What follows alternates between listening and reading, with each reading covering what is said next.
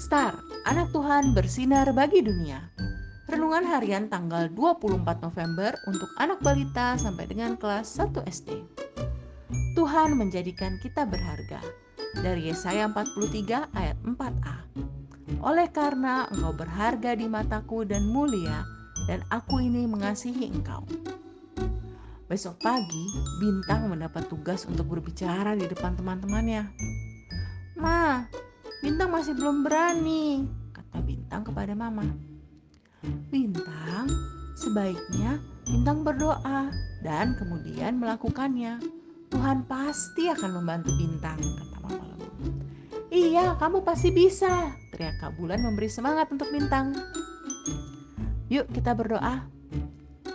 Terima kasih Tuhan sudah membantuku hari ini. Amin.